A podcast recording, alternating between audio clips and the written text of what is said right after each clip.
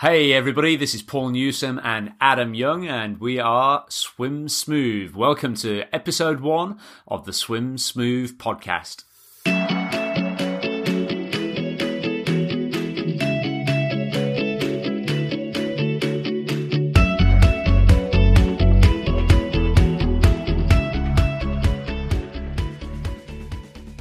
Wow, we finally did it the very first episode of the Swim Smooth podcast. Adam, Adam Young, based over there in the UK, co-founder at Swim Smooth. How are you feeling today? I am super excited, Paul. Uh, yep, kicking off. Uh, we're a long way apart. I don't know, 10,000 kilometers or something like that. This is no good for the listeners, but I'm looking at you through the Skype connection, having a, a virtual chat, which uh, which we're going to feed in here into the, the podcast. We've been talking about doing this for a long time, haven't we? Certainly have, and it just hasn't really felt like the right time until now. Um, as we'll get into with my uh, interview today with Dan Plews, the current world record holder at the Hawaii Ironman World Championship set just a couple of weekends ago. Um, I've just been finding that a lot of my contemporary athletes, so people I used to race with, you know, 20, I can't believe it, 20 years ago, um, just seems to be going really very, very well at the moment. Still to this day, we all know the story of Tim Don setting the world Ironman record and then unfortunately last year, um, being hit by a car, knocked off his bike, breaking his neck and making a comeback this year. Tim is actually six months older than me. I just turned 40 years old, Adam. Uh, I, I know you're a little bit older than me as well. I'm sure you're feeling some of those those creaky bones. So it's just amazing to actually see people still doing amazingly well. And I think uh, it tells us a lot really about the consistency in the sport, about this idea that, you know, okay, you're not necessarily going to reach peak performance in one or two years in triathlon open water swimming. It can, in many ways, take decades to actually get there. What do you think about that? Yeah, absolutely. It's it's one of the great things about an endurance sport, isn't it? Being a distance athlete, that you can have real longevity in the sport. And I was thinking about this myself. I'm mainly just cycling right now, um, not doing too much swimming. And I think if I knew in my 20s what I know now in my 40s, I would have been a much, much better athlete. And of course, time is against me. I'm getting older, getting more wrinkly. The bones are aching, as you just said. But you can just train more intelligently. You really know what you're doing, listen to your body, do the right training sessions and you just feel like you're getting the best out of yourself. Whereas in my twenties, I mean, God, we used to thrash things and you know eat junk food, and it, you know, looking back, so many mistakes. And I know that Dan's going to talk a lot about that in this uh, the podcast we've got coming up. Um, there's a lot to be said for getting older. Hey, Absolutely, you know, and I think you made me smile there a little bit because I know you haven't, you didn't sit in on the interview, you didn't hear Dan speaking, but we did talk a lot about the technology that's involved in triathlon open water swimming these days. And Dan himself is a sports and exercise scientist based over in Auckland. He's worked with the New Zealand rowing team at the last couple of Olympic games, so he knows a thing or two about sports science. And what we got talking about in the interview, uh, without giving too much away just right now, is how he uses some sophisticated training tools to ensure that his body is well rested. He's ready and primed for each session that he does to really maximize his time. So even though he might be now pushing late 30s, he's not quite 40 years old yet.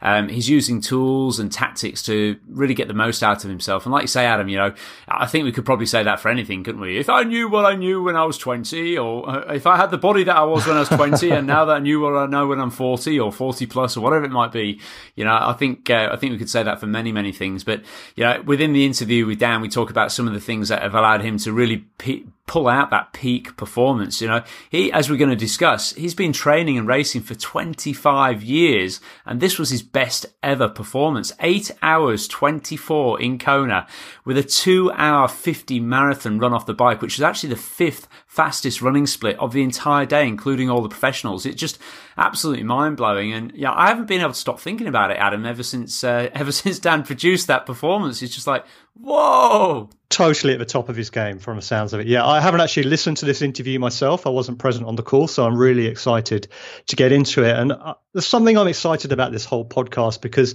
we're going to interview the big performers, the elite athletes, or the very top age groupers like Dan, top of his game. But I'm also keen to speak to the everyday athlete, the people who haven't got that super gifted gene pool, but the people that have actually made big progress forwards. We've talked about Megan Megan a lot on on the Swim Smooth blog, and the amazing performances she's puts in, huge improvements, taking off 30 or 40 seconds per 100 meters in terms of her threshold pace swimming. How did those athletes do that? And how can we learn and do it for our own swimming, your own swimming, and indeed your own cycling and running if you're a triathlete? And that's what I'm super pumped about. It's not just about the elite athletes, also the everyman, you know the usual the, the, typical people out there like ourselves training day in day out with a full-time family. And i know that dan has a one-year-old child am i right? Just turned one? That's correct. Believe it or not she actually turned one the day after kona. So that's why he didn't race in 2017 because his his daughter was actually born on the day of kona in 2017 get that. She must be a good sleeper that's all i can say to to to get yourself in that sort of shape for Ironman training with uh, with a young baby. Wow, phenomenal! He's got a very understanding wife in Kate as well, I believe, okay. and uh, yeah, it it really is a phenomenal performance for sure. Brilliant. Well, I can't wait to listen to it, Paul. Should we get started? Well, we certainly shall, and I'd just like to uh, to say thank you to all of you tuning in for this first episode here. It's uh, like Adam says, you know, it's something really special for us. We hope to bring you some really great tips and techniques over the uh, weeks, months, and years if you will stick with us and listen into what we've got on offer. And if you keep on listening after the interview, myself and Adam are going to talk a little bit more about a couple of uh, techniques, a couple of training ideas that you can do, especially for those of you going into the northern hemisphere winter, uh, that might help to keep your mojo, your swimming mojo, nice and high going into those winter months. But uh, we'll save that for after the interview. But for now, here is Dan Plews. And the winner, the men's 35 to 39. He went 54.47 in the water, 432.56 on that Benton bike. And he runs a 250.56 for an overall day of 824.36. He was actually your first overall age group male from New Zealand, Dan Plews.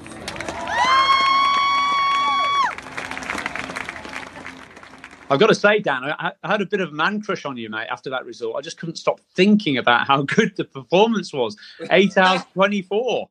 well, I, I, want to talk about how um, how long we go back because I think the, the listeners need to know just exactly how far. I Because I remember Paul, I remember looking up to Paul Newsome as this, this older, I mean, there's only four years between us, but I remember looking up to you as this older guy who was doing cross country and he was head boy at Crossleys High School and I was thinking, God, this guy, he's pretty impressive. So this was this was when you must have been what seventeen, and I was yeah. thirteen. Like That'd that. be something so, like that, yeah. And how swim smooth? I mean, you man, you've done so well. And this is the thing, like it's crazy because I remember like sitting at your desk and you showing me that you know when you that was when you were like try to the try to win stuff and you were like oh I'm not too sure I think I'm just going to go down and swim and I've got this idea it's like just swim smooth stuff. And it's just, I it's so impressive how you've developed that business and way of taking it. It's like, thanks, like, mate.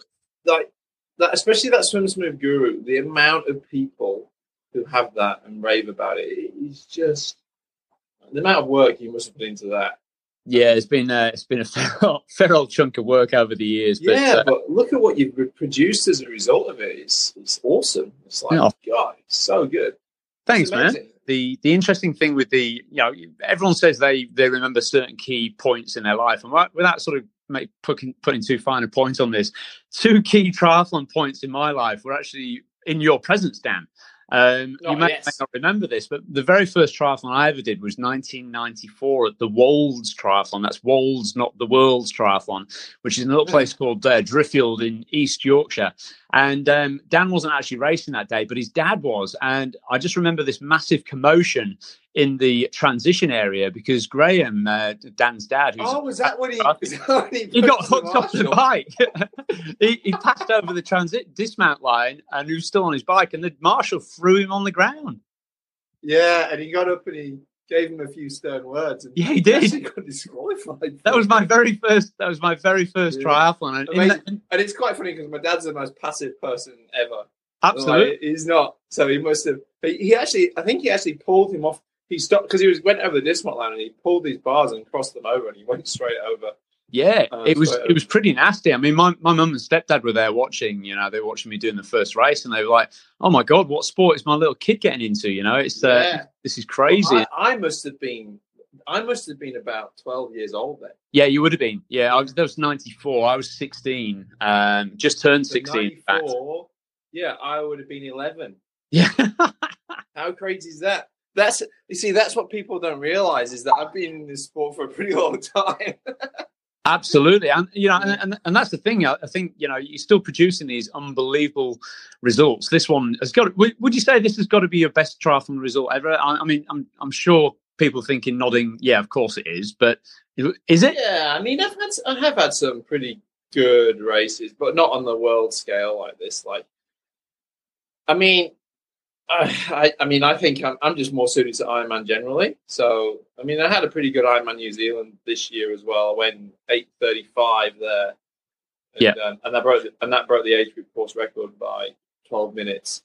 But that again, that was you know, New Zealand is not a fast course. Like I don't know if anyone has ever been over here. The road surface alone is is is there's 50. Someone told me a statistic the other day that the road rolling resistance in New Zealand 55% more than the roads in Europe.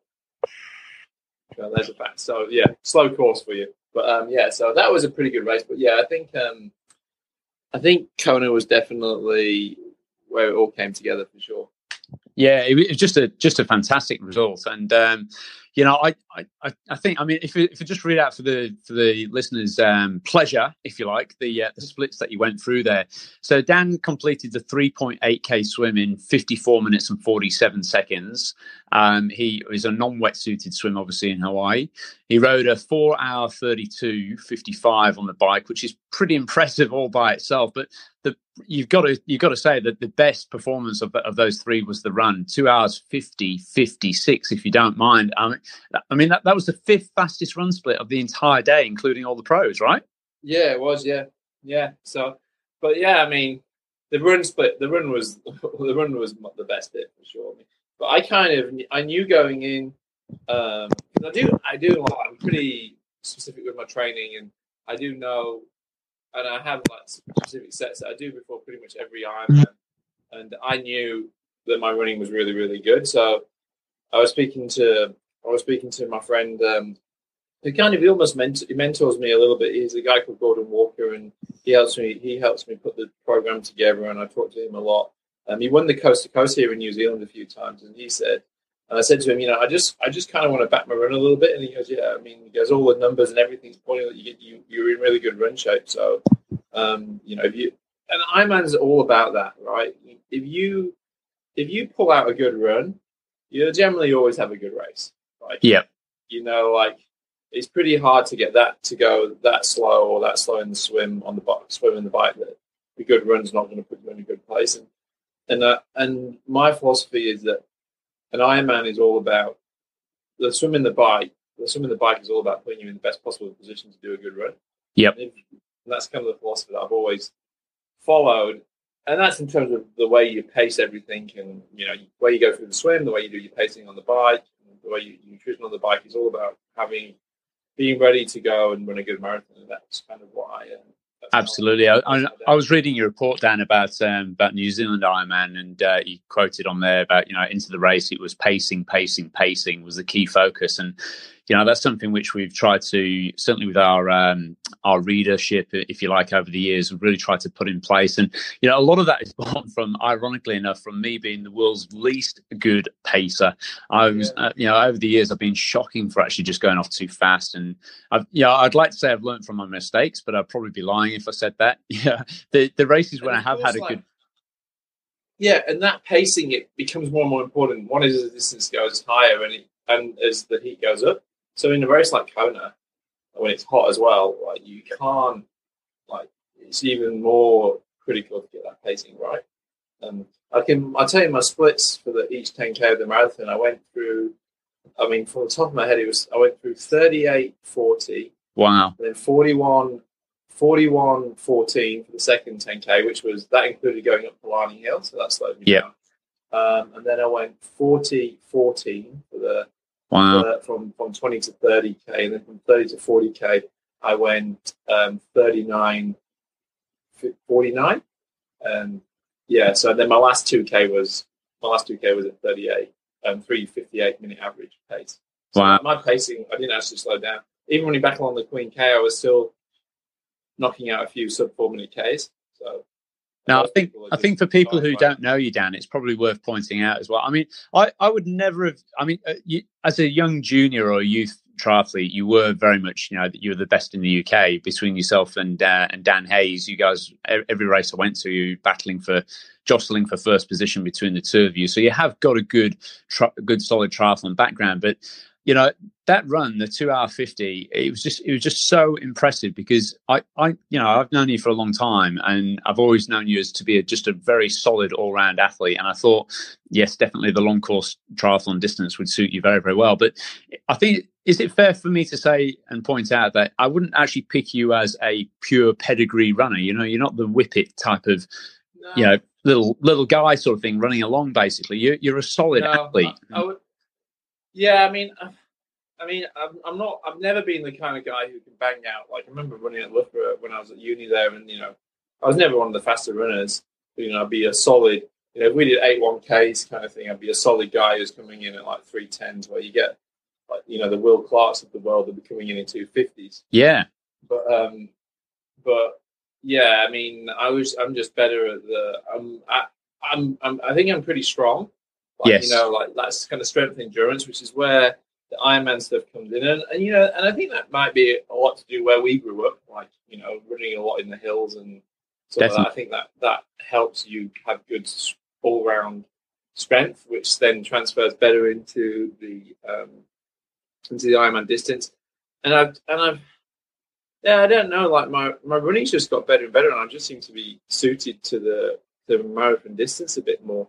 Yeah. Um, so and there's a lot of technical things and like you know there's like i'm very good at um i'm really good at i'm naturally very good at changing my stride rate in accordance to the hill. So my stride rate doesn't change ever. Like right. just be 85 80 I'm, i run at a pretty low stride rate which is unusual. So i run at 85 but my stride rate is continuously 85 whether uphill downhill. Yep. that is something that is very important for maintaining consistent power. And having a consistent power over the course of a marathon is important. So most where most people get it wrong is they'll hit a hill, and the stride rate will drop and the power goes up. And these these little bits will chip away. And I'm just I'm naturally quite a flat runner, so like in terms of power and stride rate, and I think that makes a bit of a quite a big difference. Absolutely. Now, if you're listening to this, you can probably tell that Dan's obviously got a bit of a technical uh, background. In fact, um, he's uh, been based over in uh, Auckland in New Zealand for um, how many years is it now, Dan? Quite a while. Yeah, yeah, I was going to say not, not as long as you've been in Perth. No, not quite as long as I've been, but then I am four years older than you. um, yeah. But uh, but Dan works with uh, has worked with the New Zealand rowing team um, as the as a physiologist, as one as the lead physiologist, and um, he knows a thing or two about sports science. And um, one of your big areas, Dan, is I mean, we'll come back to the race in a moment, but I think just as you started talking a little bit technical there, it's probably worth telling us a little bit more about your your training and preparation to Kona and some of the other big races. And one of the things which I, I've been reading a lot about over the last couple of months and stuff on your website is about heart rate variability. And um, I've even gone to the extent of downloading the little app which you talk about, and I'll, I'll let you talk about that in just a moment. Um, but this is a it, it's something heart rate variability is something which I've been following ever since I got a, a polar heart rate monitor, and you were able to sort of measure it and um, and sort of look for trends in whether or not you were too fatigued to train one day or what have you. you know, people used to say if your heart rate was a bit too elevated in the morning that you should rest, and I think that probably bred a year a, a generation of athletes who looked at their watch in the morning and thought, oh, it's five beats above. I'll uh, sack the training. I'll just I'll just stay in bed. Sort. Of. Yeah, day off things have become a lot more technical now. You've got these apps on your phones to be able to measure heart rate variability. If you don't know what heart rate variability is, I, I had a little giggle to myself, Dan, because you you are a super techie, knowledgeable, top of your field type of person, but you've also got this ability to talk um, talk tech in a language which most people can readily understand. However, reading one of your 120 published papers on uh, on heart rate variability, I just ha- I had to giggle at the definition of heart rate variability, and I hope you don't think I'm taking the taking the mick here. But heart rate variability, uh, Dan says, it's the natural logarithm or square root of the mean sum of the squared differences between RR intervals, R- LN, RM, SSD. care to tell us a little bit more about that, Dan? That's that's not heart rate variability in, in itself. That's one index indice of one measure, I guess, of heart rate variability. It's basically, I mean, that it's just that's telling you that's just a number, really. It's basically looking at the variation between each beat squared. How's that?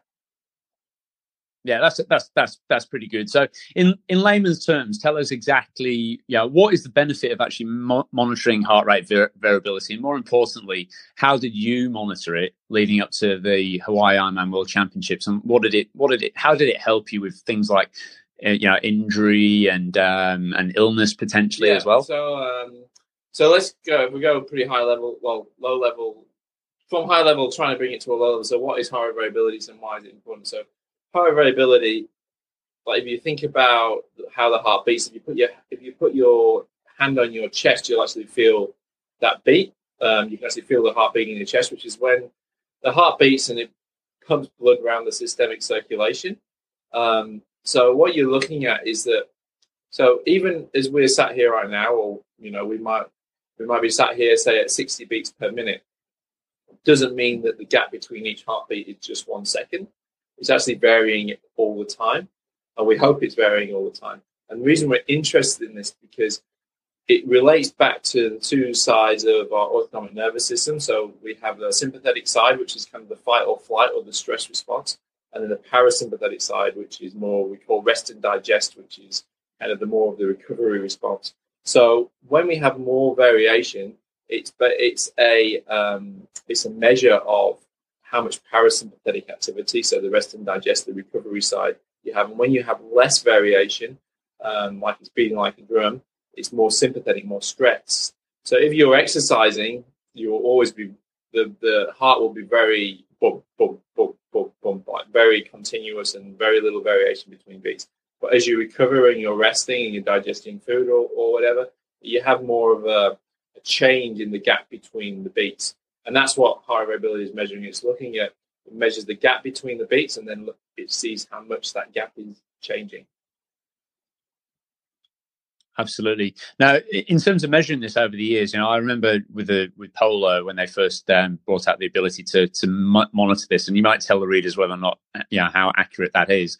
I remember you had to wait, wake up in the morning, strap on your heart rate monitor strap, wait for your heart rate to settle down a little bit, and then the test was around. I think it was around about ninety seconds or two minutes or something like this. And I just remember, it like, it got to a point where I thought, right, I'm just going to sleep in my heart rate monitor strap, so I don't have to get up, and I, I, don't want my heart rate to adjust too much. And you know, so like, how how accurate was that back in the day? Well, I'm talking well, maybe the- 10, 15 So years the, ago. the first people who did the HRV in the watch was Polar, and they did it in the RS800 CX model, and that was the model Yep. that I used for my PhD. And it's, it is actually it's Right. reasonable, it's accurate. So, I mean, the key is, is it's the number of hertz that the um, the, the harmonic records in there. You know, really, ha- you have to be having a harmonic that is over 250 hertz. Or was it 200 hertz? I can't remember. I think it was 250 hertz for it really to get Yep. a valid measure. Because if you just miss one beat, it's all over the place. Um, so that Yes. it was, you know, it's actually a reasonable, a reasonable measure. And um, but like, you know, I always think with these things, it's you know, when you're working with, you know, I've worked with loads of Olympic athletes, world world champion athletes, and and it, when it comes to that kind of thing, it's all about cost benefit. So there's some some there's loads of different ways you can measure HRV. There's like ones where you do like lying then standing or just lying. Some tests can vary from like five minutes to ten minutes. Some like there's one there's one protocol that look that takes thirty minutes to do. And to me, like you're never going to get an athlete to do it because it costs too high. Um, like when my PhD, we got it down to five minutes of recordings in the morning. But like since then, it's Yeah. down to people have validated just one minute is pretty much as good as five. So we got down to one minute. So it get it keeps getting better and better in terms of the cost, and the reward also keeps getting better because we have better descriptive analytics that can show us changes in in our own physiology and how this will affect things. Um, so Yeah. so so that's um, so that's where it's gone, and now we're even at the stage now where we don't even need a heart monitor, and we can actually measure HRV using the camera on a phone. Um, so we, That's incredible. And this this is the app which I've been using, HRV for Yeah. training. Yeah, so that's and that's I mean, me and Marco Marco Altini, who's a guy who um, created the app, super smart. He's got a PhD in data science. Um, he created the algorithms that are associated with reprocessing and filtering all that data to give accurate um, HRV HRV data. And we did a we wrote a paper that was published in the International Journal of Sports Physiology and Performance that validated it um, against ECG, and and we also put the polar in there as well. And they were both good, and they were both equally good, um, and they were both very close to ECG, which is, as I said, the gold standard of HRV measurement. So yeah, Yeah, absolutely. Yeah, I I think you know, in practice, using it over the last uh, couple of weeks myself, it's it is it is great to just know that you can just roll over, turn obviously bring the app up on your phone and uh, and just sit there for sixty seconds with your uh, one of your fingers just covering the uh, the camera super- on the on the back of the easy, phone. right? And, and like, who wants to have a? I mean, who wants a sweaty heart rate strap next to the bed when they're sleeping? No, or even sleeping. Yeah, like you know, no, no one, no one wants that, you know. So, so it's just, um, yeah. I mean, so Marco, Marco's done a great job with that app, and he's also, I mean, he's he's a smart guy, and he's also built it out now that he's got an online platform that's the HRV for Coach app, and I use that with all the, Yes. so I, I um, with all the Ironman and athletes that I coach, um, I use that to track them, and it and it's really good way of giving just me keeping track of how they're recovering and how well they're doing. So So, how would you, in in a sort of nutshell, how would you say you used it for uh, for Kona yourself? What what what are the things that you're looking for, and uh, and how can the analytics sort of guide you as to whether or not you should be taking Yeah. a rest day or maybe cutting back a bit lighter? so I use the um, so I use the HRV for Training Coach app, um, which is which is online, and and because that gives you it gives, or I actually also have it on my phone because that gives you bands that are of substantial change, either above or below, that are individual for yourself, and um, which is quite an important thing when you're looking at HRV because the day-to-day variation of everyone is different. So a meaningful change is different for everyone, and this app will calculate what is a meaningful change for you. So the way I use Yep. it, I don't use it on a day-to-day basis. I don't really look at. Um, I don't really say, oh, you know, if the HRV gives me a red, a red value on one day, I won't necessarily take pay much attention to it. I look at the long-term, more chronic changes in terms of rolling averages and how they would change over the course of a training cycle rather than over the course of a day per se. Um, so during periods of high training, if I'm coping well with the training and I'm doing a, a you know increase my load, and I expect to see that HRV come up, and the trend, the rolling average should come up over time. And that doesn't mean to say some days it'll be down, but on average, it's going up. And then when I rest and recovery, it'll come back down to the baseline levels, and that'll be rest, recovery, taper, um, and that's what I expect to see. What I don't want to see is if my training load's going up and um, and my HRV is coming down. So so I've got so as a as a story. So in, I was injured. I was off running for two months in the build up during May June um, during the build up to Kona.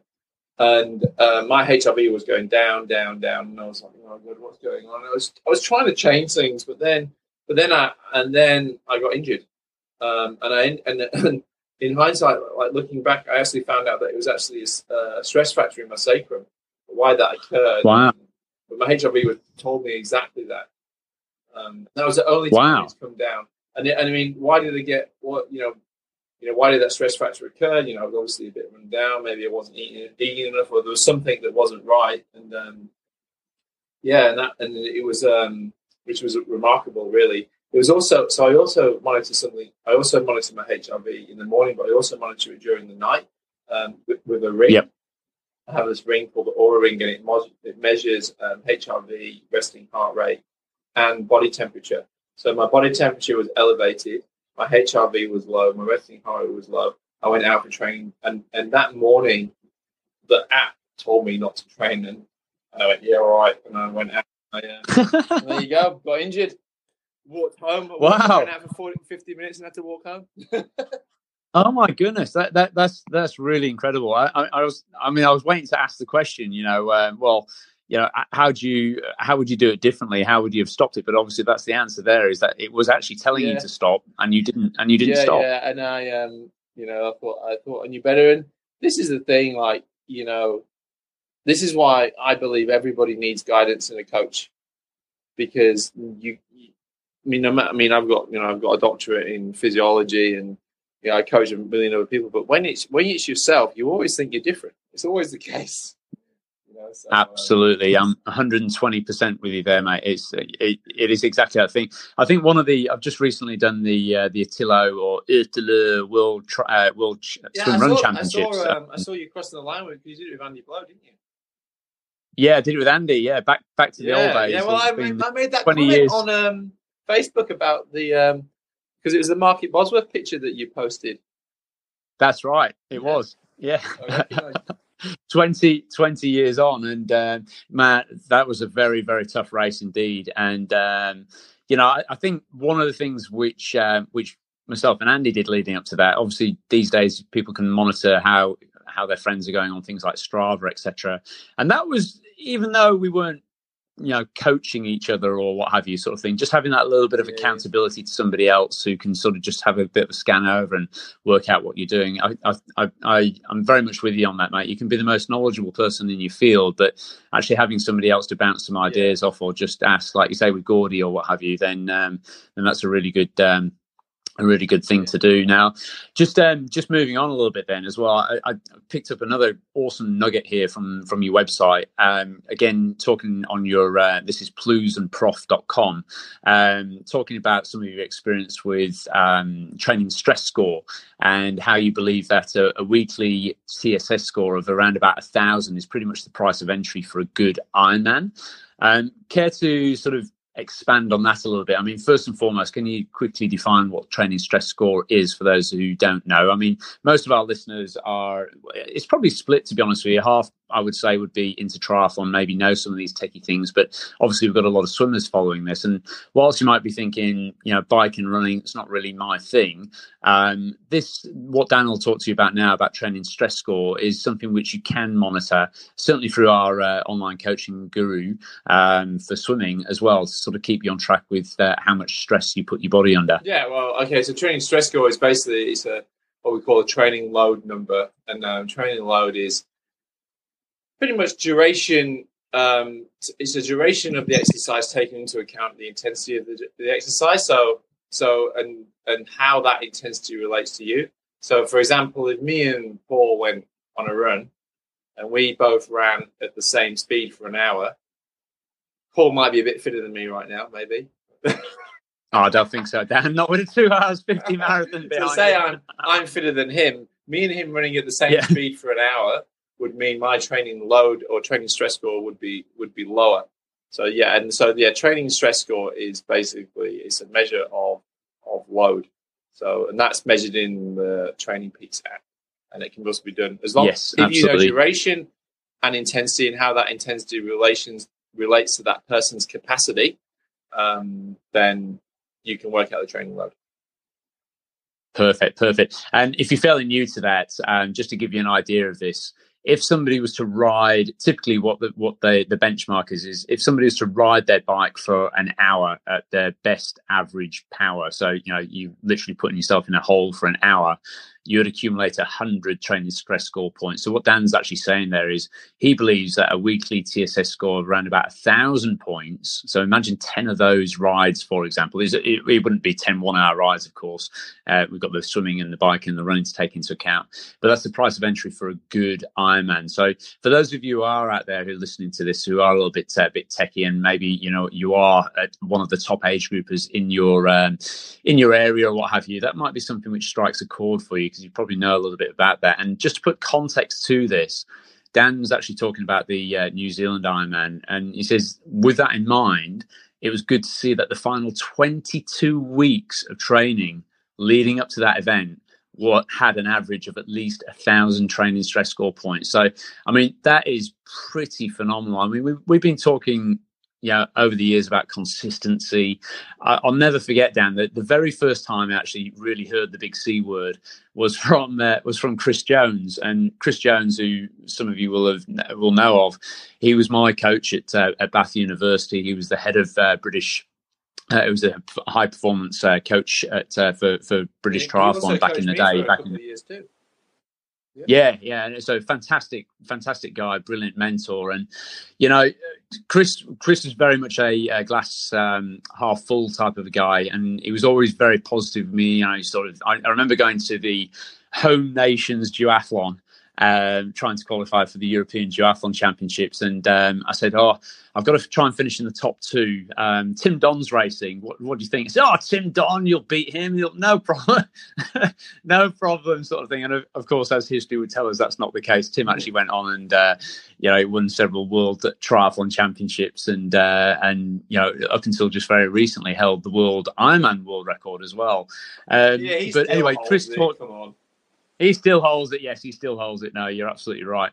Um, but if um, the, the, the big C word, as it were, me and Chris were sat down. Uh, it was it was towards the end of. In fact, I think it was actually my last week of uh, at Bath University, where I've been studied sports and exercise science for four years. And and Chris sat down and he goes, uh, he said, you know, the conversation we had about with that Tim Don about four years ago, I was wrong, wasn't I? And I said, I said, well, you know, I think you've just been trying to be positive and trying to encourage me on and motivate me and stuff. And you know, I certainly didn't hold any grudges about it. Tim's arguably one of my one of my biggest heroes after yourself, Dan. Now, oh, um, yeah, yeah, yeah, but um, he he said like Tim.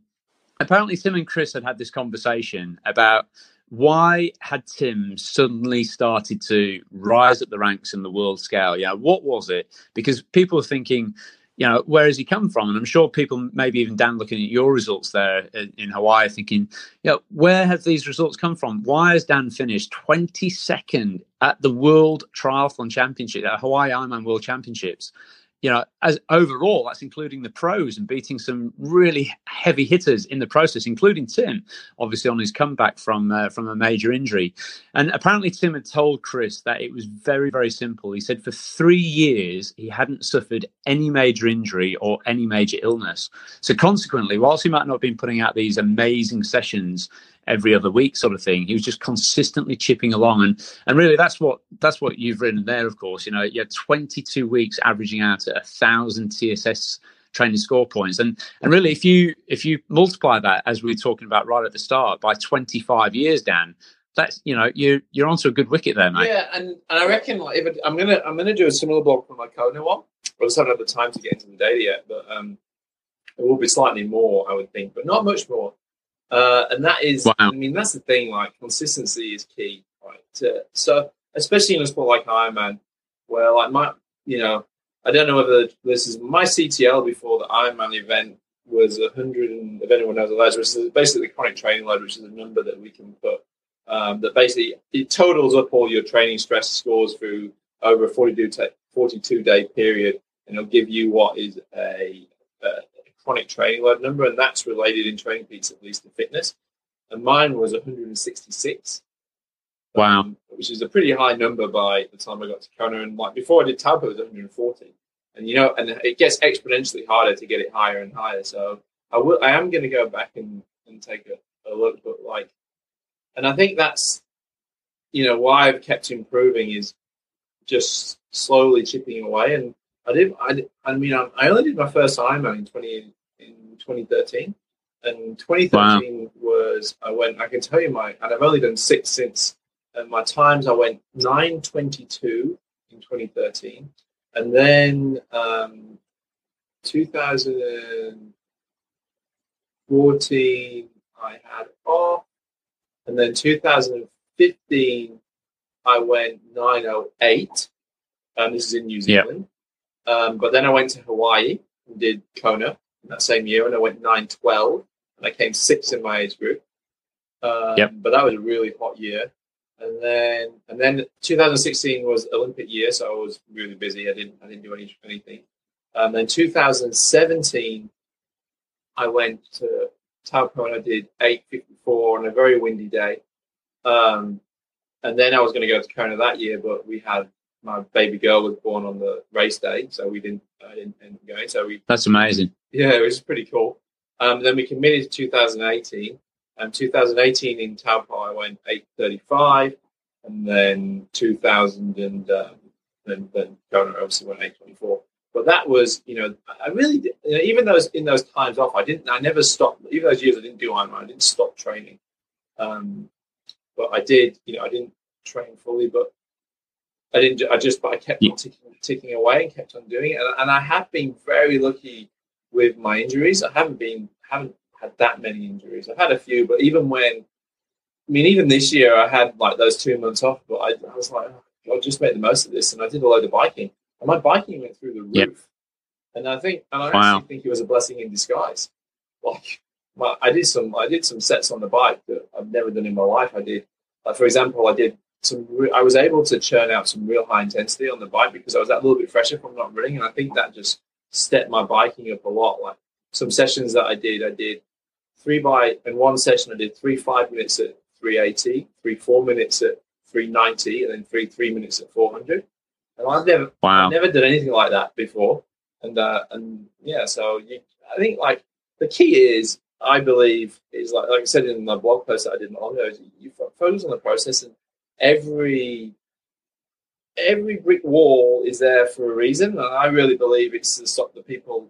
It's to stop the people who don't want it enough, and then you find a reason. You find ways to um, to make that to make that obstacle be, be in your favor. And that could be rehab, it could be learning about something else, it could be focusing on something else. And and you, everything happens for a reason. I think you can make the most of a bad situation a lot of the time. Yeah, no, I, I'm absolutely. I'm totally hearing you on that. It's, um, you know, it, it, I mean, we'll come, we'll circle back around to the, the course because I'd love to know a little bit about, you know, from the psychological perspective, how you were thinking on the day. You know, did it did it all go according to plan? Was eight hours or twenty eight hours and twenty four minutes of total bliss, or were there some hiccups along the way? But um, you know, I I I I, I just want to just want to highlight this as well because we just prior to actually starting the podcast, we were talking about this idea that um, yeah, we haven't we hadn't seen each other a little bit over the over the years, and you mentioned the the phrase "the days are long, but the years are short," or the years pass fast and fast and, and stuff. And you know, it, I'm now I've just turned forty, and I'm sat here and I'm I'm looking at this and thinking, you know, Dan's producing performances here, which uh, you know back at, at university and stuff would have been absolutely phenomenal back then. But this is 20 years later. It's it's just absolutely incredible. And you know, same with uh, we're hoping to get uh, Tim. Tim Don's uh, a very good friend of uh, well, a friend of both of ours actually, and uh, I'd love to speak with Tim. Obviously, unfortunately, uh, 12 months ago he had a major uh, bike crash um, just two day, two or three days before Hawaii, which was just uh, obviously to put it uh, mildly, a massive dampener on things. But um, he's back and he's racing, and he did, you know, did a fantastic uh, result in Hawaii to actually get across the finishing line. But you know, Dan, you're, I mean, you're right up there, and you know, a lot of people are probably going to be thinking, well, you know, is this guy, this guy Dan Plews, if he's able to finish 22nd overall in Hawaii and win his age group and set the world record, and I dare say, I was listening to um, Lance Armstrong's new podcast, and they were talking just the other day about how some of these records, the records that were set in 2018, a, a lot of people believe they won't be beaten for, I mean, Lance was sort of saying 20, 25, 30 years, Dan. So, I mean, you could well be sat down with Bella's uh, children on your lap, sort of, and then, yeah, watching Hawaii in 30 years' time, and then suddenly your name pops up and somebody's just beating your course record. And I dare say it's probably not, it wouldn't be by much at, at, at that as well. You know, I mean, uh, just the stats were 15 out of the 27 uh, age groups at uh, at Kona this year.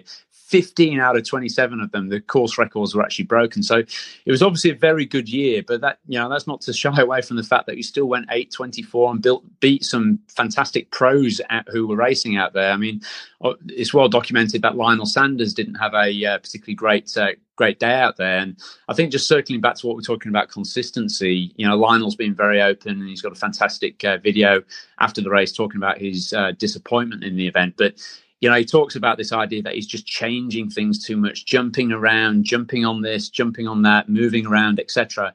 But what's shining through from this for me with your interview here, Dan, is that it, it, it really is the big C word. It's the consistency. It's actually choosing an approach and actually sticking to it and making it work. And, you know, I think what explains this better than anything is I hadn't heard from you in a while. And on the, t- I've got it written here on the 28th of September, 2017. So we're talking just over 12 months before you actually put in that phenomenal performance. Uh, it says, anyway, reason I was contacting you for some swimming advice. I want to have a good crack at winning the age group in Kona next year overall, but I just can't seem to get my swimming back up to anywhere near where it used to be. Uh, and I've been trying for a little while. But it's, it's that foresight that you had 12 months out that this is what this is a goal that you wanted to do, that you wanted to achieve. And I must admit, when when you wrote that, and I know how hard it is to actually achieve that in Kona, because you know I, have coached some some very good athletes, age group athletes over here who would have been who raced at the weekend, but you know the fastest one was over an hour behind yeah. you. So I mean, to ha- to have that foresight uh, that yeah. this is something you want do and wanting to commit to, T- tell us a little bit about that, mate. Because you're not a full time athlete, you have got several jobs, not just the one job, and you've got a young family and stuff. So how do you fit it all in? What do you how do you do it? Yeah, well, a lot of planning and a lot of discipline.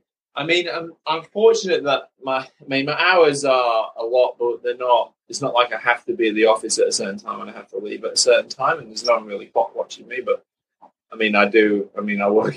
I work a hell of a lot. Like I have pretty much three big jobs, um, and then the co- the coaching that I do with the pro guys is not really my job. People people think that the Plews and Prof is my job. It's actually just a complete hobby. Um, you know, I just like blogging. I like writing about training. I like coaching a few athletes, but my main job is working at a university. I work for Canoe Racing New Zealand, so the similar job that I did for rowing is now with the women's kayak program in New Zealand. And then the other is I work for a tech company called Performance Lab, where we look at basically building AI coaching. Um, so right, yeah. So that so that's that's that's what I did, but also throw that into the mix is that um, is that we also had a baby the day, you know, the day, um, the day of the race in 2017, and it was always a plan in 2000 and, um, 2017. I was always going, I was thinking that that was going to be my year when I was going to have a good crack at Kona. So, but even in two, my dad even reminded me of this in 2015. I looked at the, I came sixth, I was 55th overall. And I said to my dad, and I went, you know what? I can definitely win that race. You know, and I didn't. Wow. You know, and I was thinking, and I just thought, I just, I didn't know I knew could win the age group overall, but I, I think I know I could definitely win my age group. And I was like, yeah. So, uh, you know, and then I started, you know, just building up, and then, but then 2017, obviously, Bella was born, you know, and um, we couldn't do it. And um, and my, my my wife Kate, she's just you know the most amazingly supportive person anyone anyone could ask for, and she was like, you know, if that's some dream that you have, then you know, we'll commit to it together, and we can and we can do that. So, and that was you know that you can see from the email we by that point me and her had had that conversation, and and I was like, all right, then um, I'm going to have a crack, and that's you know, and Bella was born October 15th, and a month later you got that email, so. yeah, so you you were well, you were keyed up, ready yeah, for it. and then, um, and then and then and then I didn't, and I, and since then I didn't have, I didn't stop really. I pretty much built all the way through. Went through New Zealand winter, but I never thought I was I could have a crack at the course record until New Zealand Ironman in March when I went eight thirty five. And if you look yep. at traditionally times in New Zealand and times in Canada, they're actually really similar. Um, right. Because New Zealand's a tough course, Kona is a tough course. If not New Zealand, maybe it's slightly slower. Um, so I was thinking, oh, about 835. And I knew Carl Buckingham had the court, the age group course record of 837. I thought, yeah, looking at his times, you know, maybe I could, maybe I could do that. And then, and then fortunately, uh, you know, things have to be in your, a lot of things have to be in your favor to beat a course record. You have to have good conditions. You have to have a good day. And, you know, and unfortunately I, I had both. So, yeah, absolutely. I think um, you know again, reading just some of the stuff that you got on the uh, on the website. And Dan is like super open and shares all this information freely on his uh, on his website and his blogs and stuff. It, it really is quite uh, quite cracking. You know, I've, I've been I've, I've been very proud over the last couple of weeks, mate, to sort of say to people, "Hey, you know that guy Dan Plews who won the uh, age group overall in uh, in Kona?" And they're, "Oh yeah, yeah, we follow his blog. We, we he's really good." And I said, "Well, I know him. I know him really, really well." And, you know, and, right, well, it's funny because I knew like, the oh. same for you. We go, we go, "Oh, you know Swim Smooth?" Like, yeah, I know Swim Smooth. I know Paul Swim Smooth. so the feeling, the feeling's mutual. Oh, no, thanks, mate. That's that, love. That, that's, the love. That's, that, yeah, a bit of bit of man yeah, love, exactly. yeah, bit of man love on the show. You can't go wrong with that. It, but um, I, I, think um, you know, reading reading these blogs, and you know, it was it's interesting telling my some of my squad swimmers and triathletes, and they say, "Oh yeah, I've read this. You should check out that article. Read this. Do that." So, I mean, one of them, you just say it's super super simply, very beautifully, if you don't mind me saying. It says, but it's all about preparation and planning. And yeah, once I'm once it's planned, I'm anal about making sure it's it's complete. You know, just getting the thing actually done. So it sounds like you you know you've got a lot of a lot of stuff going on with work. You've obviously got the the new baby in Bella, uh, wife is super super supportive, etc. But it's still about you know uh, other people have those things, but you you've obviously prepared for this. You've planned for this. You've told me over twelve months ago that this is what you're going to go out there and do. Mm. And you know, whereas some people, you know, talk is cheap for a lot of people. People say these things, and I even find myself down over a, uh, half a bottle of red wine, sort of thinking, oh, you know, I could go back to 25 years ago, and uh, maybe I could get back to that point, but the, the reality is the execution of it you know it's with that consistency that you've got in the background you've got the you, you know you've got your background with, uh, with sports and exercise science and top of your field in that respect etc but at the end of the day you can have all of those things but you've still got to make sure it's complete. You've still got to be about anal about getting about out there and and and actually doing it. So you know like the whole nike slogan just do it mate i think that that for me was the best thing about this. And that's why i was getting super excited about it why i wanted to get you on the show as our very first guest because you're somebody who's gone out there, you've you've set those sights and you and you just nailed it, like completely yeah. nailed it. Awesome. And I think awesome. you know, like I do. Um, it's always a funny thing because I'm always into my data with my training, and I know, it's, you know, and I I gain confidence through data. So I see my numbers, and I'm like, and that's what builds me. That's what gives me confidence. I mean, certain people need different things. That's that's what I build confidence from seeing my CTL, from seeing key sessions that I've nailed, and, and that's how I, I get going. And because I'm very, I'm generally, if I can get on the start line with a good, knowing that I'm in good shape in numbers, like you know, objectively in good shape. That's not me feeling like I'm in good shape. Like I have to see an objective number, key sessions hit, um, and and and then I'm confident that I can execute a good race because I'm I'm just I'm calculated because of the way my brain works. I'm just so calculated and methodical in the way I go about doing things. And like, so like my, and I told you my pacing on the run, um, but my bike pacing, the first 90k was at 259 watts, the second 90k was at 261 watts. Wow. So wow. You know, and that's and that's how and that's how and the execution of an Ironman is everything. And like that's what I, I say to a lot of my athletes. Like the cool thing about Ironman is that if you're if you have a good head on your shoulders, you're going to beat 50% of the people who are better than you because 50% of the people, you know, they, they stuff it up. They they just, it's so easy to stuff it up when you're not having a strong head with a cool, calm execution. And um, and that's the good thing. That's why I love Ironman because it requires a calm, calculated person to do well, especially age group racing. Not so much at the pro level because there's a little bit more muscle and bustle, but like I'm telling you, like, you know, I came out of the swim in 54 minutes, and the amount of people who came past me in that first 10K was crazy. Like going up Palani, I was doing 330 watts. People were flying wow. by me, absolutely flying by me. And I'm like, and I'm like going holding back, and I felt like I was stood still. But this is the, but people just, you know, that's, and that's the key to Ironman racing is keeping a calm head and, and remembering yeah. it's a long day. And I think Kona, especially this last year, everyone knew the conditions were just like absolutely rip roaring and stuff. And it was it would have been so tempting to think, right, you know, I'll go and nail that bike split and uh, you know, and, and it'll set me up for the day. But in in reality, the, the dropout rate in Kona this year was actually very, very high as well, I believe, from people probably just tanking themselves on the bike and then not having anything And left the in end of the run was the back end of the run was pretty hot. It was almost like um. So if anyone's familiar with Kona, like from the airport to Harvey, there was cloud, but then from the airport to Kai Kailua, it was open. So it was kind of like um, the run was still was still pretty hot. Um, So, h- how much hotter would the, would you have said it was than Luddenden Foot, for example, down in West Oh, Yorkshire? foot. Yeah, yeah, yeah. It was um, it was a good, a good. I would say a, at least twenty-five degrees hotter. awesome, awesome, very good. So I'm just going to quickly read out your uh, your the uh, the swimming, biking, and running volumes that you were doing, then maybe just uh, hear from you finally about um, about you know what was going through your de- head on the race um, when you're out there, because obviously following the numbers is good and stuff, but like you say, you still got to have a good head on your shoulders. So that's the thing that I'm really interested in sort of bringing this together with. So I'm just going to read out Dan's uh, weekly swim volume. Um, it came out at just under 16 kilometers per week, uh, a little bit less than he would have liked, he says. Um, but he he had a little bit of a panic, a couple of 20k weeks, didn't you? Just before two or three weeks before the uh, before the race there. Um, the um, and I, I think this again. I think this is referring about, to this is before Taupo, right? this is New Zealand. That's correct. Sorry. Yes. Yeah. So um, I would have maybe can fill us in and update us a little bit before Kona, but um, but the weekly bike volume, just to put it into context, that you know you're not out there for.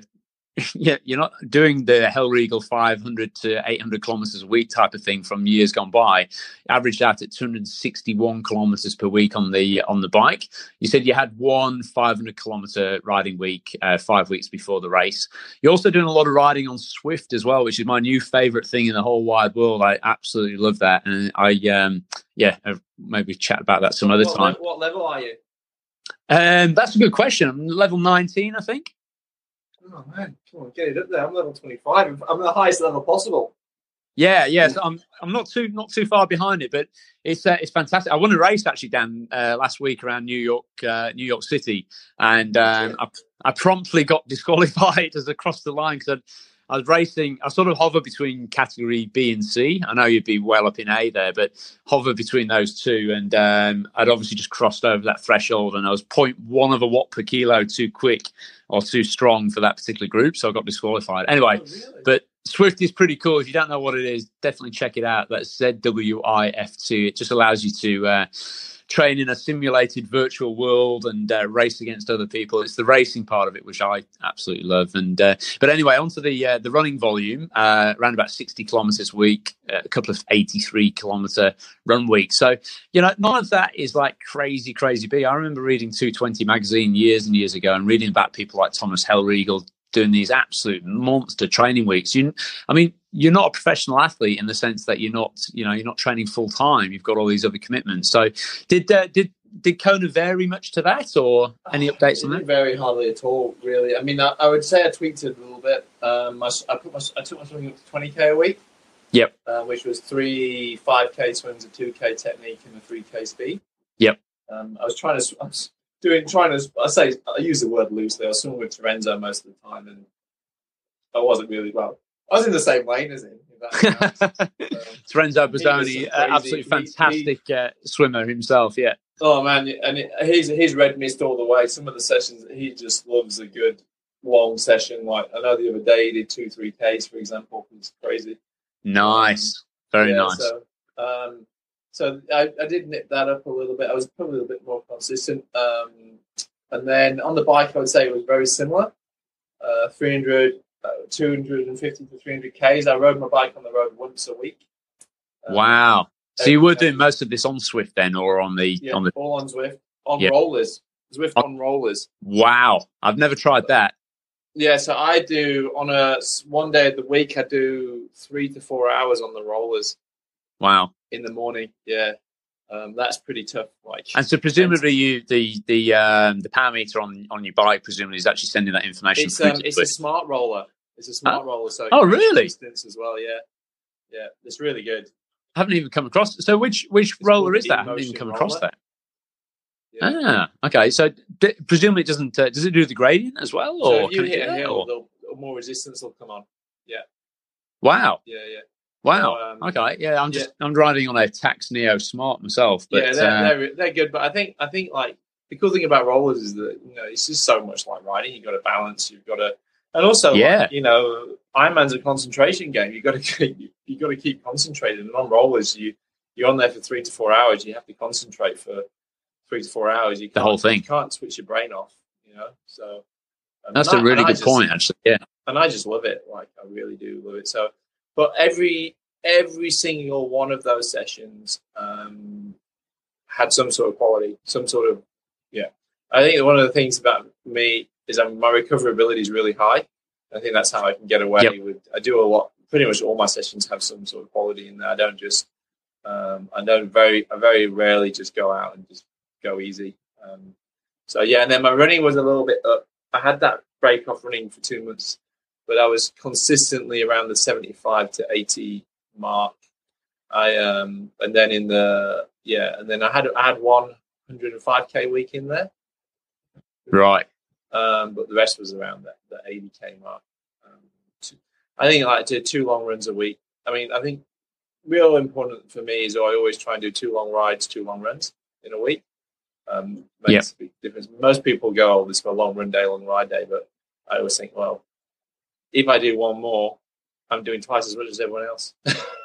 Yeah. Two two for the price of one, Dan. yeah, yeah, exactly, exactly. And, Yeah. and I'm like, and as I say, I'm, I'm reasonably transparent about my training, and I will. Um, I'll put. I'm going to put up a post, including like I did for Taupo with some similar numbers.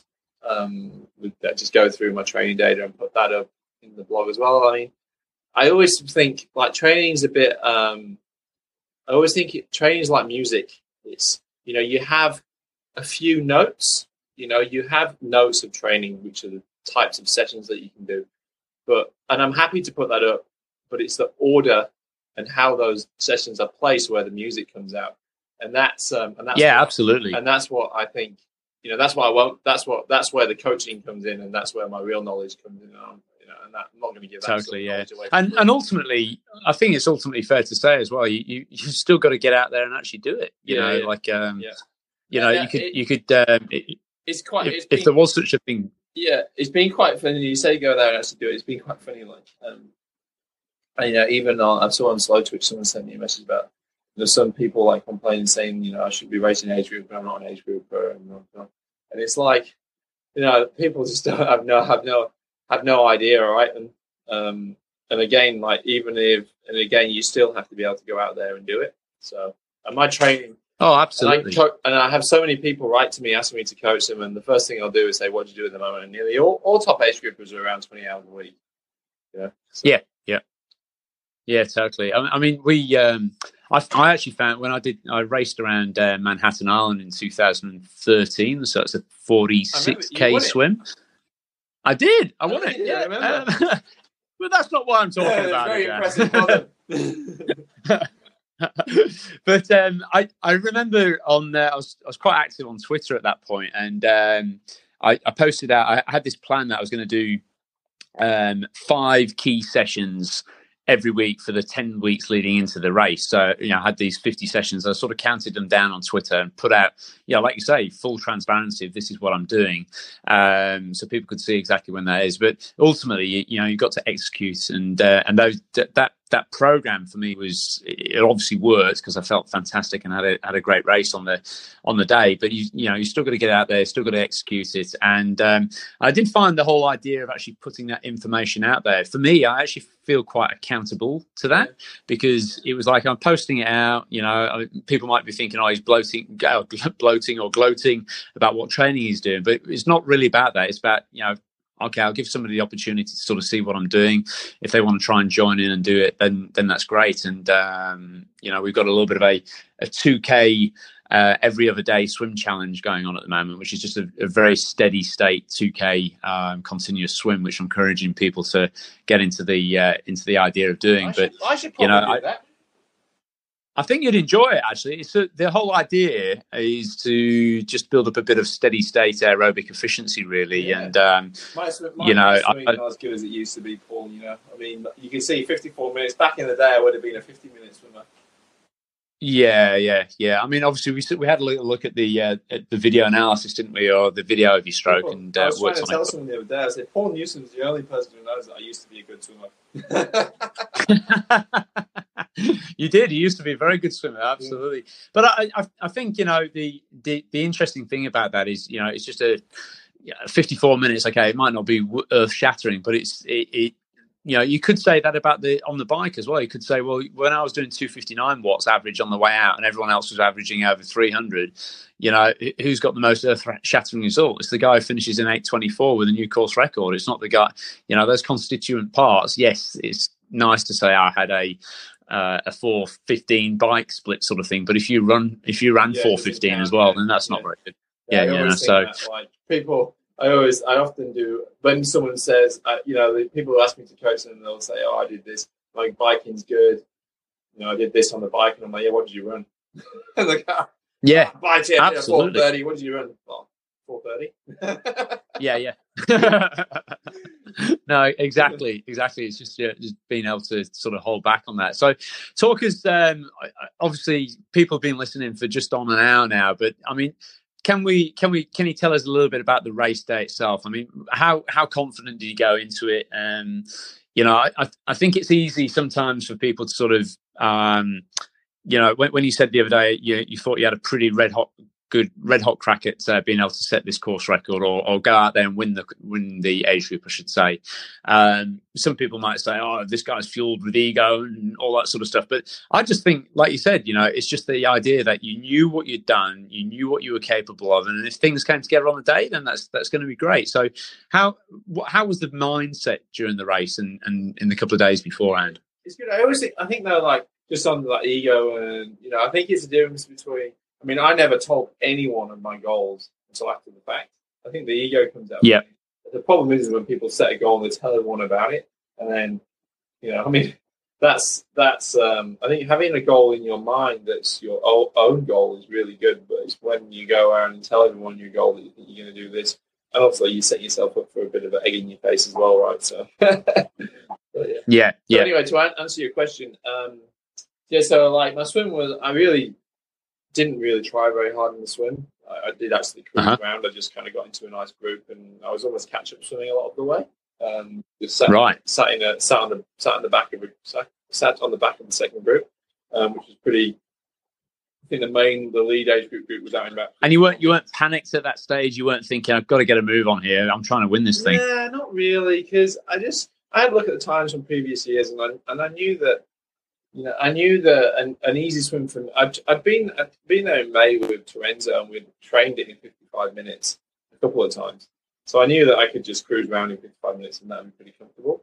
Um, so I knew Right. I didn't you know you don't know how fast you're going, but I I knew that I would end up around that pace. So I came out. With, the only thing, the whole thing during the day was I was getting a bit for some reason I was getting a bit crampy in the swim in my feet. Um, and I Oh, felt even okay. cramps coming into my quads when I came out of the um, water. But Oh, that's yeah, not and very that nice scared me a bit. But I got on the bike and it went completely fine. Um, onto the bike, I had I just kind of just settled in. I tried to keep my cool at the start when everyone was coming past me. Um, and eventually we got up, to, you know, there's pinch points in the race. We're going on the Queen K through Waikoloa. People are dropping off at Hawi, made the turn. There was about five guys up the road who weren't far in front. Um, and then, and then when we made the turn in Waikoloa, I know that there are certain pinch points in that race where people will be like, oh, you know, they get top of Waikoloa, they kind of switch off. So I got around the turn, Yeah. down, going down the hill. I made sure I was holding 260 watts all the way down the hill, which is a little bit harder, um, but it really stretches people. Um, Yep. And then basically, people's then the, we were quite reasonable group, and there was only there was I was on the front, I would say, for seventy five percent of the time. Um, and then and eventually we got to Waikoloa, and there was two guys left. So, um, and then we we hit the last forty k pretty hard, um, and and when we we pretty much caught the front group by the time we hit transition. So there were a few. There was one guy off the front, I think. So And how how far behind the pros did you set up then? We. I set up thirty five minutes behind the men, twenty five minutes behind the women. Okay, okay, So Yeah. we're a long way. I mean, I did I did catch some of the pro men. I did I did catch a lot of the pro women. Um, Yep. and then and then onto the run, going into transition, grabbed my shoe bag, some then sat down, opened it, realized they weren't my trainers, gave me the wrong bag. so so then I had to run back out of the tent, back into the Oh, transition God. shoe area, find my shoes, run back out again, put my shoes on. I lost a minute. Um, but that was all good. And then I got into the run and I was kind of a, a bit of adrenaline going. So I, I ran the first cane in 345 and I was like, ooh, that's a bit, a little bit too fast. That's a bit That's fresh. a bit fresh. And yes, this isn't 70.3. Calm down. Yeah. Um, and then I just kind of, and then I knew that I, I think always a good sign for when, you know, start of an Ironman is that you, you just have to physically slow yourself down. And I was trying to run slower and slower and slower. And I kept going into four minute Ks. I'm like, oh, no, this is, this is good and bad. like, so, um, so yeah, I really held back. And, and to be honest with you, the run, I never really had a bad patch. I just felt great. And I took the lead at about 20K. Wow. Did you did you really sock it to the guy at that point? Um, well, the funny thing was, I was coming up behind him along the Queen K, and I don't think he even knew I overtook him because he was overheating. And then as I came in, he disappeared into the aid station, and I ran, and his head was in an ice bucket as I ran behind, as I ran past him. So, so yeah, that was. Um, he probably pulled his head out of the ice bucket and then saw me 100 meters up the road, and by then it was, um, then it was too late. So it was too late by that point. Wow. Okay. Yeah. Cool. And did, so at that point, did you think, right? Okay, this is it. I'm gonna I'm gonna win this. Or like No, I mean, 22 k's to go. You or- know, Ironman, you know, you never, you're never that confident um, because anything can go wrong. You can cram, you can, anything can happen, right? But I think um, the last 8k, I was starting to feel pretty confident. Um, there's something I do a lot of 8k runs off the bike, so there's something in my brain that has a switch when I get to 8k to go, and I'm like, oh yeah, that's I do this lot of line training. I think um, I think this is going to go all right. So and then and then yeah, it was um, steady all the way home. I mean, the, that perfect. feeling, perfect. But the, feeling running along it- the Queen K was the last 8k was pretty special. I have to. I was going to say because the, the gap between you and, and second place then was was actually quite sizable in the end, wasn't it? Minutes, yeah. Yeah. Yeah. So so you were able to savor that moment then running down yeah, there. Yeah, a and I, I really did like, like, you know, crossing the line really feels like standing on the moon. When you when you when you go out there, and, and like I didn't really I didn't care about the winning or I never cared about winning my age being an group world champion. That was never in my head ever. I just I always just wanted to go to Kona and produce a race that I knew I was capable of. And at the end of the day, I produced a race that I didn't think I was capable of. To be honest with you. Um, but yeah, that's kind of like you know, like it's just special because it's not just me who put a lot into that race. It's so many other people, not you know, obviously my family, but also the support team like physios and people. It's amazing how people believe in when you go and set out a goal, how people can get behind you and really believe in something that you're doing and support you to to achieve that for no, you know, for no um, benefit of their own. And it's it's great, which is this is what I'm trying to do a bit more now is like you know give advice and help some people with coaching. Like so, one of the things. Yeah. No, Yeah. I- sorry. No, I, absolutely, and it's it, it's um I, I I just had to sit back and just listen to that there, mate, because it, it, it definitely gave me the tingles, you know, about this idea that you you went there and produced a result that you didn't even think was was you know you were capable of, and it, it was just um just amazing. I mean, did you did you get a chance to did you do a little dance across the line or anything like that? Because it is, a, I have got a great finishing photo. I'm more like just let out a big roar.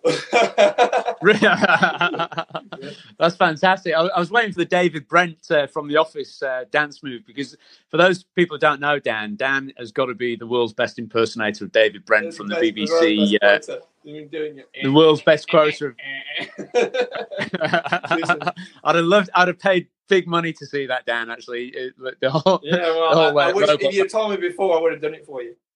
Oh, that that'd have been awesome. That'd have been awesome. Um, on that note, what do you think of the uh, US uh, Office No. version? Not as good as the UK version. Not as good now. Yeah, I've been watching it recently. I've got to say, some of the characters a little bit more developed. I thought, yeah, it's not, not too bad, but uh, you just can't beat the Brent, really. No, I love the brand, Absolutely. and I love. You have to get into. I don't know if you've been into the extra extras. That's pretty. You have to get. Into, Oh, that's very good. Yeah, Yeah. absolutely. He's a he's a comedy genius, and ob- obviously he's behind the American one as well. So uh, you know, Ricky Gervais, we love you. He's uh, absolutely, absolutely fantastic. Yeah, but, uh, but there we go. So, yeah, well, that's uh, that's fantastic. Any any tips for us on on nutrition? Obviously, we haven't even touched on that, but ah, um, man, that's another that's I think big area. Come back on the podcast for that. I mean, I'm pretty notorious for my low carb. You know, you talk about the 20 years and why I think I've got faster. Um, one is, I mean, never even talked about it, but it big part of that is diet. Huge part of that is yeah. diet, um, which is low carb nutrition, high fat.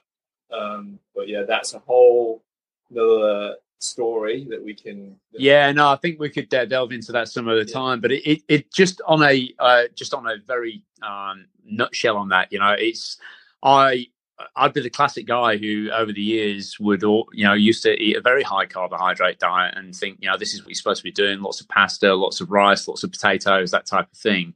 Um, you know, carbo loading before a race, and it wasn't for me as well. It wasn't until fairly recently, maybe in the last couple of years, that people started talking about low carbohydrate diet, low sugar, especially low sugar, yeah, uh, you know, fizzy drinks and and all that sort of stuff. And and yeah, the weight loss just uh, it just. I mean, I, I did the English Channel in 2011 and was a was a big fatty pum bar to get across uh, across there. I'm about, I'm 13 kilos now, 14 kilos lighter than I was when wow, I did the English yeah. Channel. I mean, it makes it, it makes a huge difference. Like, yeah, I mean, I, I mean, I'd love to come back on and talk to you a bit more about that for sure. Like, there's there's a whole science behind all that, and like, you know, I published I published a paper in Sports Med that was called um, "Substrate Metabolism in Ironman, same horses, different horses on the same courses, and it talks a bit about how you have to train or train the fat adaptation, um, and how it all, you know, how you utilize it all in competition and stuff. So yeah, I'll be more than happy to come back on. Definitely, definitely. I, I, I think back to the day when you know we used to go out with like seemingly hundred gels in, yeah, in my back pocket, and, and people still do that. Yeah, nutrition propaganda, like you've got to meet energy man, and I and I guarantee you, well, I wouldn't guarantee because I can't, but I'm highly yeah. confident that um, Lionel Sanders is the biggest failure in Kona this year is his substrate metabolism, his metabolic yep. flexibility, and Gatorade. and and that Gatorade brainwashed him. You know, I watched his YouTube clips, and I and I even I called it before it even began. I said, "You will, nope, it's not going to happen." this is not going to end well. Yeah, and, and uh, yeah, so you know, I, I, I, um, you, you jokingly quipped with me, and I, I loved it actually when you said, uh, you know, I knew some you need to get on and do an Ironman because I haven't completed an Ironman yet. Uh, and you said, but, but of course, it's uh, because you over carbo fed in Perth. That's exactly right. That's you exactly got, right. So cramp. that's it. That's it. So I, um, I had this big nutrition plan, and um, you know, we were doing the classic one gram of carbohydrate per kilogram body weight per hour.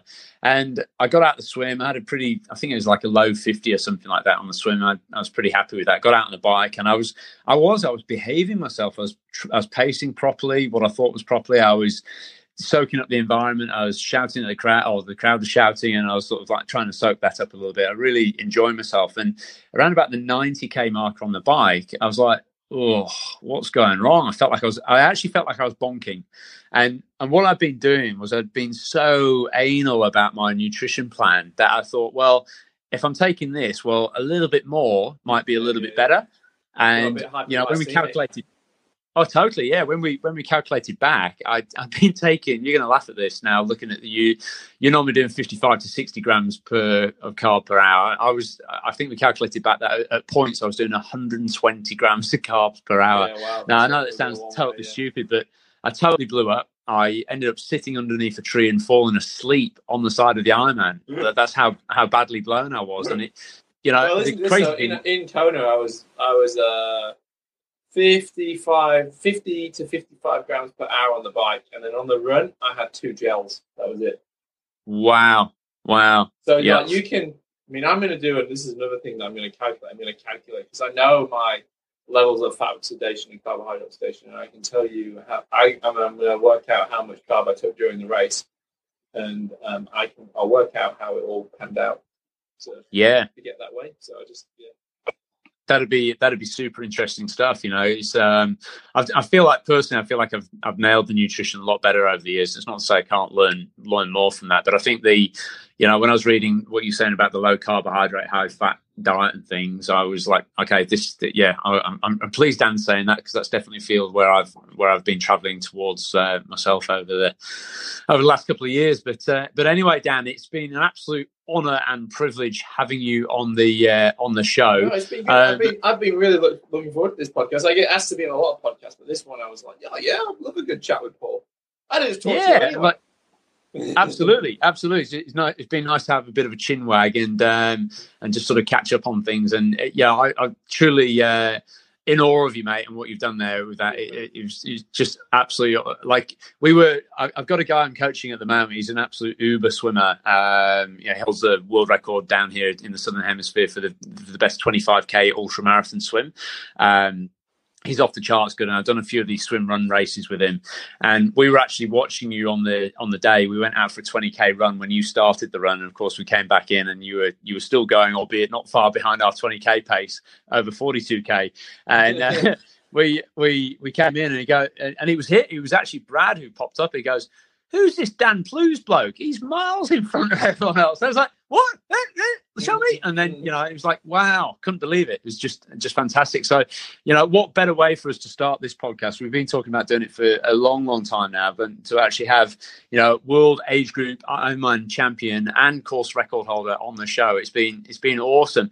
I was just looking back at the, the results over the years and I'm sure you've seen this, but yeah, obviously Kona, it was good conditions. I'm not saying it wasn't this year, but even 2012, 2009, your time this year in 2012, 2009 would have seen you in th- in fourth spot, just four seconds off the podium of the pro race.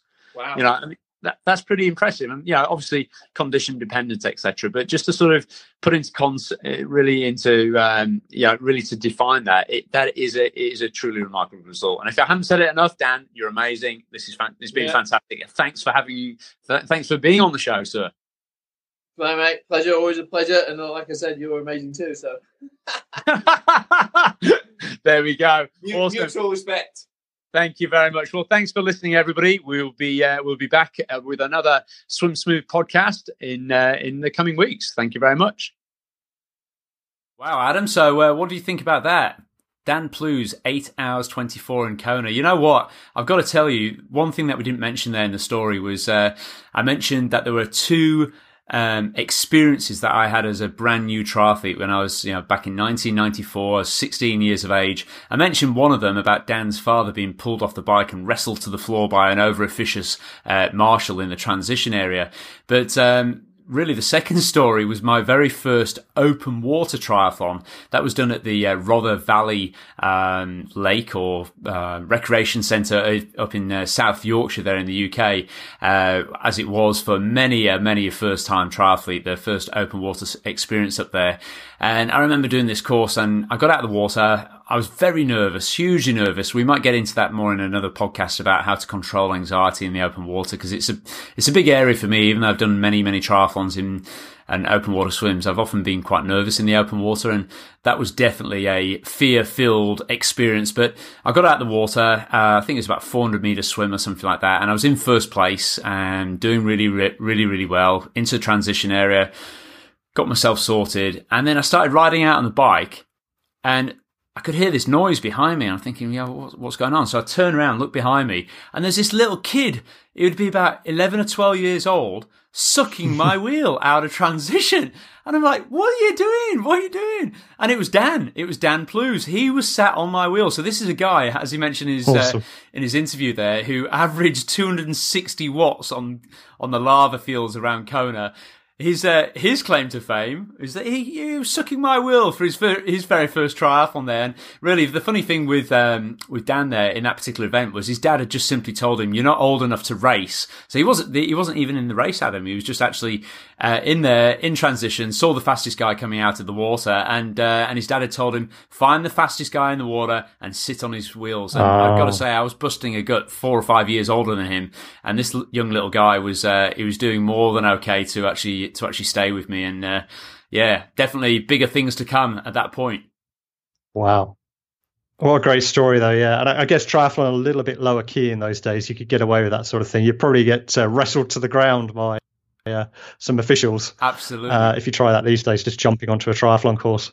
For, Phenomenal, for sure, for sure. So uh, anyway, Adam, we've uh, we've been a lot of people asking about things that they can be doing in the northern hemisphere over the uh, the coming weeks and months to keep the keep their mojo high. And uh, one of the things that we're uh, that we're just launching this uh, this week is just this simple, very very simple idea to try and swim a two kilometer continuous swim every other day.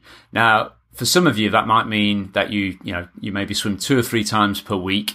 Um, you might try to get two or three of these 2K swims in per week. But ideally, what you would do is over the winter months, you'd maybe have a swim specific focus whereby you might aim to swim, let's say three, four, even five times per week. So you'd aim to get two of these, two or three of these 2K swims in.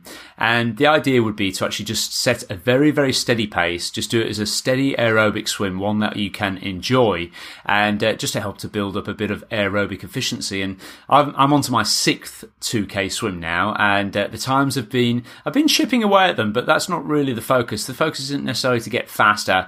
It's just to basically just to enjoy your swimming a little bit more, get your mojo back, and uh, and just develop a little bit of uh, efficiency when you're swimming. So what I'd encourage you to do with this is to set a benchmark, a pace per 100 meters or a pace per kilometer, whatever you decide, that you would be happy with on your worst possible day. So let's say you get in and you think, I really don't want to swim today, but I'll do this 2K challenge. What is the worst possible pace that you would at least be happy to have achieved? And for me at the moment, that's 130 per 100 or 15 minutes per kilometer. I said to myself, look, so long as it can hold faster than that, I'll be happy. I'll be a happy man, even if it's just a couple of seconds faster than that.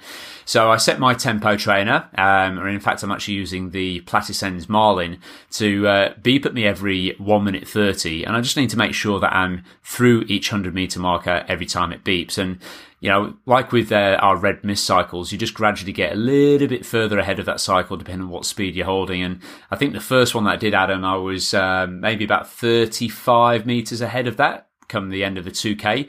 Uh, you, sure. you know, yesterday I think I got to like 92 meters.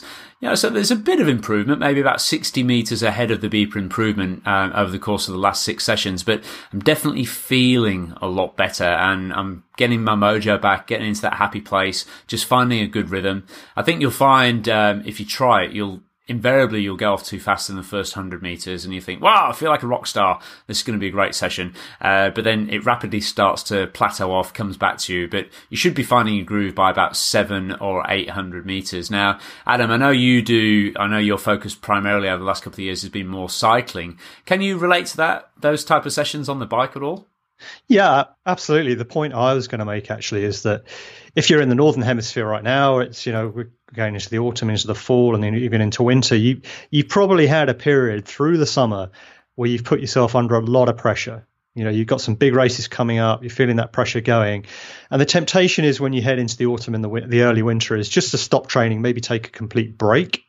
Now, a mental break is a fantastic thing, and some sort of you know, physical rest is good too, but you don't want to stop training completely. This sort of session is a great way to take the pressure off yourself, but still train. You're not going into it thinking, oh, I've got to hit these times. I want to see the improvement. I want to do this. I want to do that. You're just low key training. You're ticking over, maybe working on some small things in your stroke in other sessions, just keeping your aerobic base going. And in and around that, you can slot some more challenging sessions. Yeah. So it's a really nice way to keep your training going, but take a mental break at the same time and take the pressure off yourself. Because, of course, before you know it, it's going to be the spring and you're going to be building up again and you're going to be setting goals and you're going to become a bit more focused about things. So, yeah, absolutely. You can. You can do a similar sort of session and bike and run in exactly the same way, or any sport. But uh, it's a really nice low key thing must, that uh, to do, and I think I'm going to start doing it myself, Paul. Oh, very good. I'm, I'm very pleased to hear that. Yeah, yeah. Uh, you know, in an ideal world, uh, how I would set it out let's say you are going to do a swim specific block. And I think, uh, you know, it's funny how these things actually derive because in a nutshell, Adam, you've just said there exactly how I've been feeling. I, you know, I, I trained up for the ÖTILLÖ World Swim Run Championship. So I was very, very focused over the last nine months. And uh, that race uh, finished, or I finished the race uh, at the start of September. And for the last maybe five or six weeks, I have been sort of bumbling along a little bit. I was hoping to maintain some of the fitness from it, but invariably I needed a little bit of a mental break, a little bit of a physical break as well. And I'm back at that point now where I just want to keep things ticking over and, uh, and, and think about the next goals that I have. And yeah, it's a great way of doing it. So in an ideal world, let's say you had the opportunity to swim five, six times per week on sessions one, three and five. That's where you would do your 2k continuous swim. So sessions one, three, and five. If uh, if it was me, I'd be making sure that number two, so session number two, might be a pure technique session. So maybe you have identified something in your stroke that you need to try and correct. Um, as was working with uh, Dan, uh, Dan Plews there in the interview, Dan, when he came to me 12 months ago, we were working, he had a little bit of an overglide within his stroke. His stroke rate was a little bit on the slow side. So we did a little bit of work on his catch and pull and getting into that catch a little bit earlier. So that could be a focus for session number two. Uh, session three, obviously the 2K. And then session four, you might like to fit in a CSS um, development session or even a red mist endurance session there, um, just to sort of make sure you're still working a little bit of that top end and giving yourself a little bit of a challenge. But like Adam says, keep the emphasis fairly light-hearted, especially if you're going into the winter. And on the flip side, if you are in the southern hemisphere listening into this, you know, maybe this is just your chance to regain a little bit of mojo. You know, I'm certainly coming into the racing season. I'm not going out of it, uh, but I just need to regain a little bit of mojo from having done a couple of winter races over here. So, anyway, that's the uh, that's the challenge that we're going to set. So, if you're going to follow us uh, on Instagram, Twitter, make sure you use the handle hashtag 2K swim every day. We'll put it in the session notes there, and uh, it'd be interesting to see how many people follow on with this, and, and more importantly, how you get on, and do you manage to get that mojo back? Definitely, we'll put it out in the blog this week too. That'd be so that'd be great. Yeah. Yeah, definitely. Absolutely. Yep. Now the uh, the final thing, and this was just prompted to me by um, our coach Cindy, who's based over in the over in the US. Cindy spent uh, around about four or five years with me over in Perth on the pool deck, and uh, she now hits up or heads up our Swim Smooth Guru. So most of the content, most of the virtual squad information that goes into the Guru, that's basically me feeding it directly to Cindy in the form of whiteboards. She then translates it into properly properly documented format and puts them up into the Guru. So for those of our Guru members, we have Cindy to thank a lot for. And she was just saying to me, Adam, just yesterday, she flicked me over a quick email, said, you know, it seems like you've started to talk a lot about this idea of swimming with just one paddle what's that all about? Our, our members need to know a little bit more about that. Can you produce a video? So sure enough, I got down on the pool deck there today and just produced a two and a half minute video talking about why you might swim with, uh, with one paddle. Um, now, Adam, obviously we've been on clinics, uh, when we've done this before and it, it always seems to be something which strikes a, a bit of interest, doesn't it, with, uh, with swimmers? Definitely. I mean, just visually, it looks a little bit unusual, doesn't it? So as soon as you see a swimmer doing it, um, it looks a bit odd. And you know, it's fa- it's a fascinating experience as a swimmer to to experience it. Um, obviously, it's a large part of the javelin drill, which um, anyone who follows Swim Smooth is probably familiar with. Yeah, absolutely. Believe it or not, Dan actually quotes that as the best drill that he's ever done, and that's coming from uh, from Dan Plews himself. He he just finds the javelin drill, which uh, which I gave to him to help improve his overgliding, uh, was really quite useful. So, I'll just quickly explain that one. It's simply the idea of actually having a pair of fins on usually using the Finis freestyler paddles. That's the pointy paddle with a little blade or keel on the underside. And you do 25 meters kicking on your left hand side with the paddle on the left hand, uh, breathing out to the right hand side. And then you do 25 meters normal freestyle, primarily breathing to the right hand side. So you're breathing away from that paddle. Now we call that the javelin drill, but like Adam says, the just swimming with one paddle on is, is really just sort of, sort of an extension to that. Something you might do when you're doing a big pull buoy and paddle set. And the idea, the single rule of thumb here is to make sure that you're always breathing away from the paddle. So paddle on the left hand, breathing to the right, for example, or vice versa, paddle on the right, breathing to the left. And, and what this does is it, it simply recognizes that if something is going to go wrong within your stroke, it'll always go wrong when you go to take a breath in. So some people collapse their arms, some people cross over in front of their head, some people push down straight down on the water. And if you're using a paddle like the Finis agility paddle, that's the one with no straps and just a little hole for the thumb, it really teaches you to get a good hold of the water whilst you're breathing. And that's really what we're trying to do here is we're trying to desensitize the focus of breathing in and actually place it on the stroke itself. So as you go to turn to take a breath in, let the breathing motion happen naturally and keep the focus on that lead arm, the one with the paddle on, catching the water, feel like you're pressing the water back behind you. So you're still traveling forwards whilst you're breathing. And if you think about it just from a numbers perspective, I, know, Adam, you're a, a numbers geek, but this is really quite sim- simple mathematics here. You know, if you're breathing every three strokes, 33% of the time that you're swimming, something like that could be holding you back. And just with a little bit of focus and attention, could be a really easy way for you to tune up your stroke. And like Adam says, it feels a bit weird, but uh, it's a good bit of fun as well.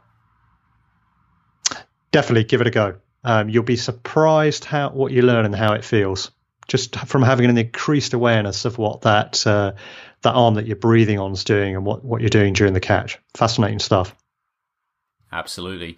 Well, that's about all we've got time for today. Um, I hope you've enjoyed the interview with Dan. I hope you've enjoyed listening to myself and Adam babble It's been good, hasn't it, Adam? It's been quite a nice informal chit chat, a little bit, a little bit less formal than maybe the blog that we put out each week. And I don't know about you, but I've yeah, pretty really, good time, mate.